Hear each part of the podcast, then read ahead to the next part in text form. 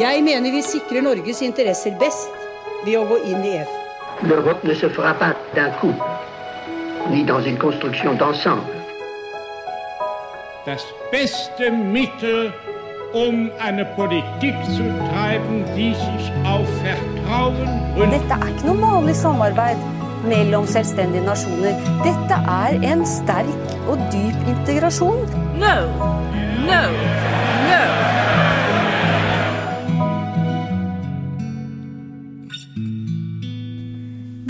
Velkommen til Det europeiske kvarter, en podkast om europeisk politikk og historie, med Lise Rye og meg, Kristine Graneng, ved Europastudier på NTNU. I denne episoden skal vi se nærmere på et av de aspektene ved demokratiet som jeg må innrømme at jeg syns er aller mest interessant, nemlig hvordan tilgang på informasjon og en åpen offentlig debatt er forutsetning for et velfungerende demokrati. For det er en del som taler for at vi kanskje ikke snakker nok om EU i Norge i dag. I forbindelse med 25-årsjubileet for EØS-avtalen så ble det gjort en undersøkelse av NUPI, der folk ble bedt om å vurdere sin egen kunnskap om EØS.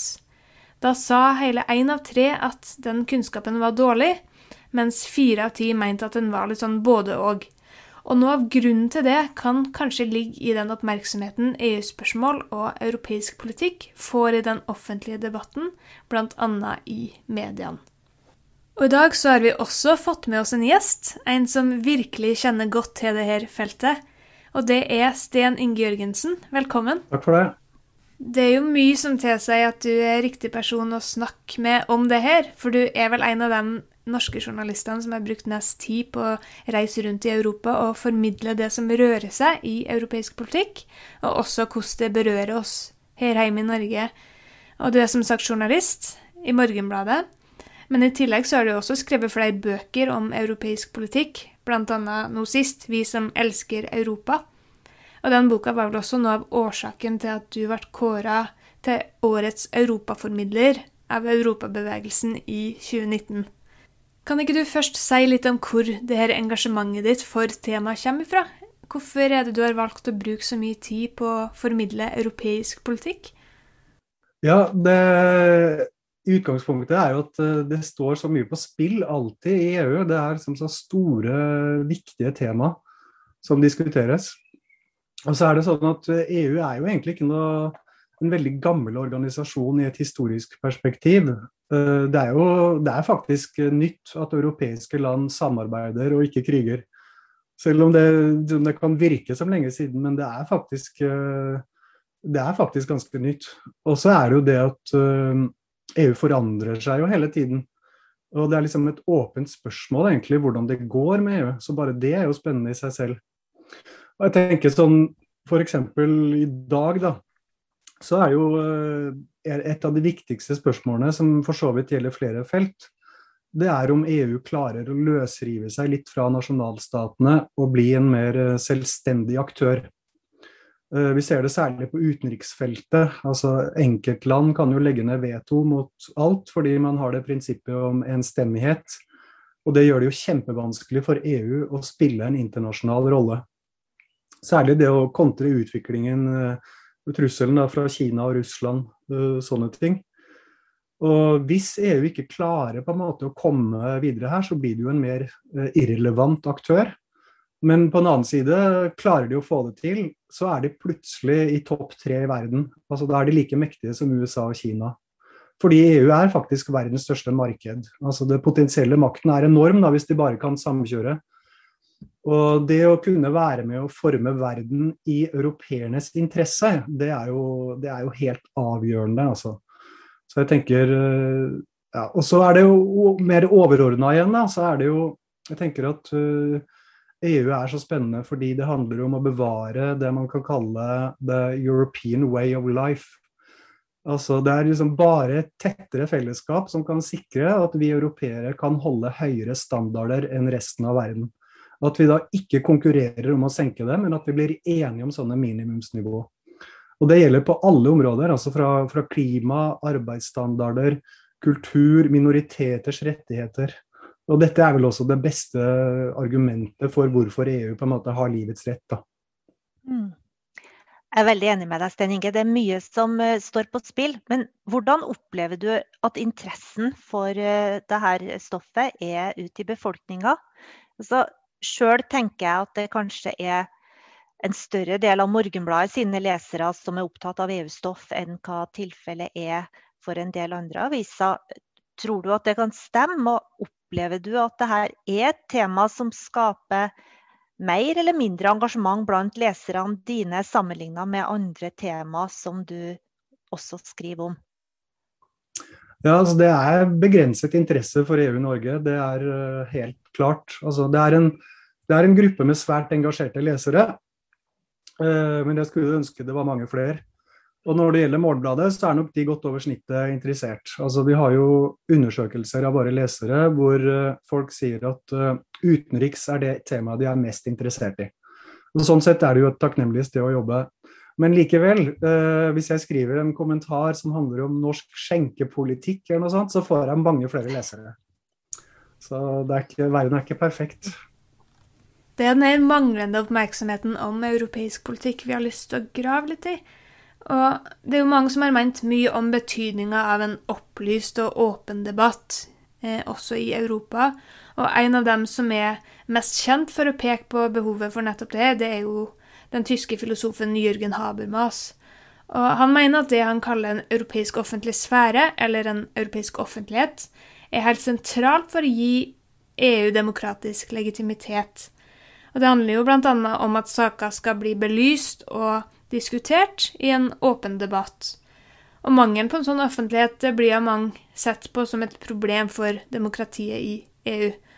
Hva tenker du Sten Inge, er de viktigste innsalgspunktene for en brei dekning av europapolitikk i norske medier? Nei, altså, jeg tenker at det er jo kontinuerlig så er det liksom masse viktige saker og spennende saker oppe i EU-systemet som egentlig er kjempebra å formidle. altså. Og jeg ser, ta nå bare sånn de siste, da, altså det at mange nordmenn er engstelige for at bindingen til USA gjør oss mer utsatt for krig. Altså det at da I forhold til Russland og nordområdene og sånn. Og Det hadde, burde jo vært en fantastisk anledning til å diskutere det gryende forsvarssamarbeidet i EU. Altså hvordan Norge orienterer oss. Uh, og så tenker jeg jo at uh, det man i større grad også kan gjøre fra norsk side, er å begynne å snakke mer om saker hvor vi er like EU, altså hvor vi har felles interesser. Fordi det er en tendens til at vi bare snakker om noen få konfliktsaker som da uh, blir kanskje litt ut av proporsjoner. da, uh, altså Nesten blir litt overdrevet, sånn som f.eks. EUs energibyrå, den debatten som nesten er preget av konspirasjoner og sånn. Men det er jo utrolig mange saker hvor vi egentlig har uh, helt like standpunkt som EU, og hvor det å, da, det å bli bevisst det, det er jo så sentralt. Det er jo først da du føler liksom at dette fellesskapet har legitimitet og er bra for Norge også. Så det, det tror jeg er avgjørende, altså. Ja, det er ingen tvil om at det er nok saker å, å ta tak i og, og følge med på. Og, og, det er jo absolutt i Norges interesse å gjøre det også. Men det finnes jo i liten grad europeiske medier som de fleste benytter seg av. Og det gjør at formidlinga av informasjon og debatten først og fremst må foregå i de nasjonale mediene for å nå ut til folk flest, til europeere flest. Og vi har jo en god del kunnskap gjennom forskning om hvordan europeisk politikk blir dekka i mediene i EU sine medlemsland. Og det er også en velkjent problemstilling også i medlemslandene at det ikke nødvendigvis er så brei mediedekning av europeisk politikk, enten det handler om det som skjer på EU-nivå, eller det som skjer i andre europeiske land, selv om det har stor politisk betydning for alle europeere. Et tydelig eksempel på det, eh, det var i det nederlandske valget tidligere i vår, der det var en kampanje i sosiale medier om det de kaller for EU-elefanten i rommet, altså en kampanje for å rette mer oppmerksomhet mot EU-spørsmål i valgkampen. Og hva tenker du om det her i en norsk sammenheng? Hvor lett tilgjengelig er informasjon om hva som skjer ute i Europa i dag? Ja, Er du spesielt interessert, så får du jo tak i alt. Men uh, hvis, da, hvis vi avgrenser oss nå til det du får gjennom norske medier, eh, så er det jo klart eh, mye dårligere informasjon i Norge. Og det, du kan jo bare høre på Ekot, svenske Dagsrevyen, altså som du får også kan Alltid nyheter sender jo dem også i opptak, så den kan du også høre på norsk radio. Da vil du jo høre forskjellen. Hvor mye mer de snakker om EU. og jeg er jo også er mye i Tyskland, og der merker jeg også at det er et tema på daglig basis. Um, og Hovedforklaringen er nok det at vi ikke er medlem. altså Hvis vi var EU-medlem, så ville norske politikere hele tiden hatt EU-utspill. Altså Det må være da f.eks. oppgaver de mener EU må løse. Eller de vil posisjonere seg i forhold til saker som EU jobber med. Og Dette skjer nesten aldri i dag. da. Men din avis skriver jo allikevel relativt mye om europeisk politikk og europeisk samfunnsliv. Er det her da først og fremst et resultat av interesse fra dere som er journalister, eller er det noe dere blir oppfordra til å gjøre, eller er det noe en redaksjon kommer fram til i fellesskap? Hva er det som gjør at Morgenbladet skriver relativt mye om europeisk politikk? Det er, jo, det er jo på en måte villa fra hele avisa og redaksjonen at vi skal på en måte være tunge på det feltet. Men du kommer aldri unna at du må ha journalister som føler spesiell interesse. Altså Det er helt avgjørende, fordi det er nettopp det som gjør at du orker å engasjere deg år etter år og følge med. For det er jo veldig mye arbeid å følge med på EU.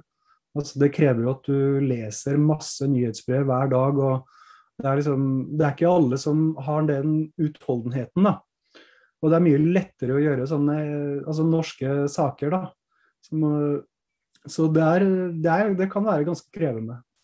Men jeg vil si at det er ikke veldig mye Det er ikke mange journalister i Norge som er opptatt av EU, det er det ikke. Nei, men i forbindelse med valget i USA i fjor høst, da merka vi vel alle at den norske appetitten på informasjon var veldig stor. Samtidig så kan altså valg i europeiske land gå av stabelen uten at de får noe oppmerksomhet i Norge, sånn som tilfellet var med valget i Nederland nå i mars. Hva tror du det er? Er det noe annet som kan forklare at interessen for amerikansk politikk ser ut til å være så uendelig mye sterkere enn interessen for europeisk politikk? Altså, er det et spørsmål om tilbud og etterspørsel? Er det tilknytninger? Styrer vi unna europapolitikken fordi temaet er så splittende, eller, eller ser du noen andre årsaker som kan forklare den situasjonen? Nei, altså At, at EU-saker er splittende, det er jo egentlig et argument for at uh, journalistene burde være mer interessert i det, for det er jo godt stoff. Så det tenker jeg, det er ikke sånn at man unngår det bevisst. Det er mer altså, det går på kunnskapsnivået, altså det å kunne liksom, følge med. Men når det gjelder da USA, og delvis også Storbritannia, altså, så er jo det er jo flere faktorer. Altså, vi, altså, nordmenn føler seg litt nærmere Storbritannia og USA. Og så er det klart at språket engelsk uh, har mye å si. Og så er jo USA supermakten, og så har det jo skjedd mye spektakulært under Trump osv. Og så glemmer man da at det som skjer i EU har mye større betydning for Norge. Eh, så det er jo helt klart en feilprioritering av media. Uh, og det er jo også media som egentlig har skylden for at vi nordmenn tror at vi er så mye nærmere Storbritannia og USA enn vi er. Altså, det er jo to av de landene i Vesten vi ligner aller minst på. Uh, så det har jo skjedd en, en, en litt merkelig forskyvning der. Altså. Men det går tilbake til altså, at de var våre allierte etter, altså under andre verdenskrig, og det er liksom lange linjer. Men eh, media følger kanskje politikerne, og hvis politikerne styrer unna spørsmålet, så styrer kanskje mange av journalistene unna òg? Ja, det er klart det. Altså, det er en sammenheng der. Mm. Du, eh, vi snakka om Habermas i stad. Jeg er begeistra for arbeidet til Anne Elisabeth Stie ved Universitetet i Agder. Eh, hun skrev en doktorgradsavhandling hvor hun tok opp tråden fra Habermas og gjorde en veldig interessant empirisk undersøkelse av forholdet mellom demokratiske prosedyrer og praksis i EU. Og Der viser hun at reformer som rent formelt har tatt EU i en mer demokratisk retning, ved at eh, Europaparlamentet har fått medbestemmelse, rammes av en praksis som svekker båndene mellom valgte politikere og befolkningene. Altså av at beslutninger i realiteten tas bak lukka dører, at de tas av få i stedet for av mange, og ofte av eksperter fremfor politikere. Og det her det handler jo bl.a. om at velgerne skal vite hva representantene de velger mener om politiske spørsmål.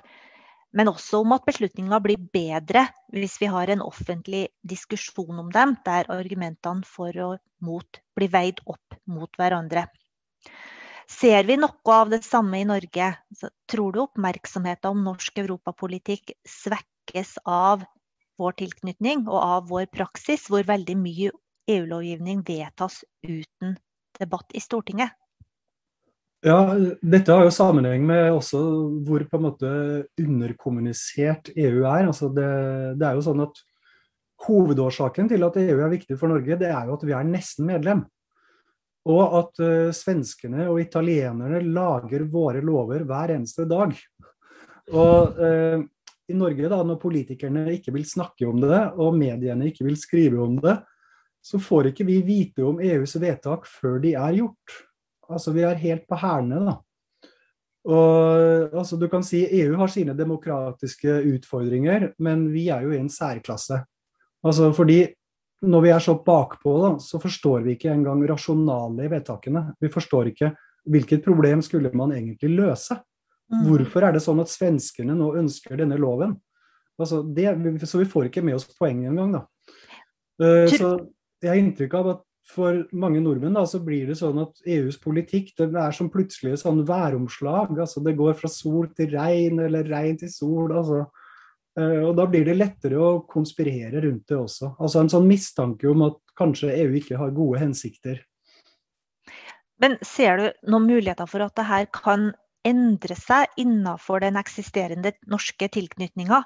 Så hva må i så fall til for at vi får løfta oppmerksomheten både mot det som skjer i Europa og hvordan det påvirker Norge? Er det, er det noen mulighet for at det her kan endre seg, sånn som du ser det? Ja, altså det, eh, I utgangspunktet så kan denne situasjonen bare vedvare. Altså, det er mulig at vi aldri kommer videre, liksom, men eh, jeg tror jo at samtidig så kan litt plutselige hendelser, da, dramatiske hendelser, det kan jo gjøre at EU-saker blir mer presserende. Og det kan være en utvikling som skjer i verden, eh, en utvikling i Europa, eller Eh, i Norge. Altså at f.eks. da vår økonomi plutselig ikke lenger er så trygg. Eh, så den, det overraskelsesmomentet ligger der på en måte alltid. Men jeg tenker jo at uh, dette handler altså i stor grad om at media har jo ikke vært flinke nok til å på en måte formidle hva som egentlig er rasjonale med EU, hva som er de mer interessante tingene som EU forsøker å gjøre. Og Eh, en mer bevissthet rundt det eh, tror jeg kan ha stor betydning. Altså, ta den nå, da, så er det det at EU promoterer seg mer og mer som europeernes beskytter. Altså Under pandemien nå så er det jo unison enighet om at EU må være selvforsynt med alt tenkelig av medisinsk utstyr. Eh, det gjelder alle slags apparater, tekniske innretninger, munnbind, altså sånne ting. Men det gjelder jo også i forhold til vaksiner og råvarene til de, eh, som i dag er avhengig av et eh, globalt handelsnett som vi ser egentlig ikke virka. F.eks. USA og Storbritannia viste seg jo ikke var villige til å eksportere sånn som man skulle da forvente. Og det å være selvforsynt i krisesituasjoner spenner mye videre. altså Det er da matsikkerhet blir jo et tema teknologi, altså høyteknologi, det at europeerne har kontroll på det. At det ikke er noe bakveier inn fra f.eks. Eh, som Kina og 5G-nettet. Uh, eh, og så er det jo uh, karbontoll kommer jo. ikke sant? Du skal beskytte da europeiske bedrifter som må ha høyere miljøstandarder. Og får du karbontoll, så kan jo da ikke bare mange av verdens land få høyere eller dyrere markedsadgang, men det blir jo billigere også kanskje da å produsere ting i EU igjen. Det kan, det kan jo også skje. Så er, dette med europeernes beskytter, tenker jeg, det er, sånt, det er en måte å løfte oppmerksomheten på. De debattene du peker på her, Stinninge, som foregår på europeisk nivå, det er jo også i aller høyeste grad eh, saker som blir diskutert i Norge, men kanskje ikke i så stor grad med en europeisk dimensjon som man kunne ha forestilt seg. Det har jo vært inne f.eks. I forbindelse med vaksinesamarbeidet, men ellers så vil jeg jo si at den er ganske fraværende. Men hva tenker du om det fram mot valget i høst, er det norske valget? Er det noe som tyder på at, at EU-dimensjonen ved det her, det norske forholdet til EU, kan få større betydning fram Eh, mot valget i valgkampen? Ja, jeg tror at dette er akkurat dette er ting som på en måte Ettersom det er prosesser som pågår i EU akkurat nå, så er det jo så relevant å ta det opp også i, i forhold til den norske valgkampen. Men det, det, er jo ikke sikkert at noen norske politikere vil gjøre det, fordi EU er jo så splittende i norsk politikk. Og det er så ubehagelig, da.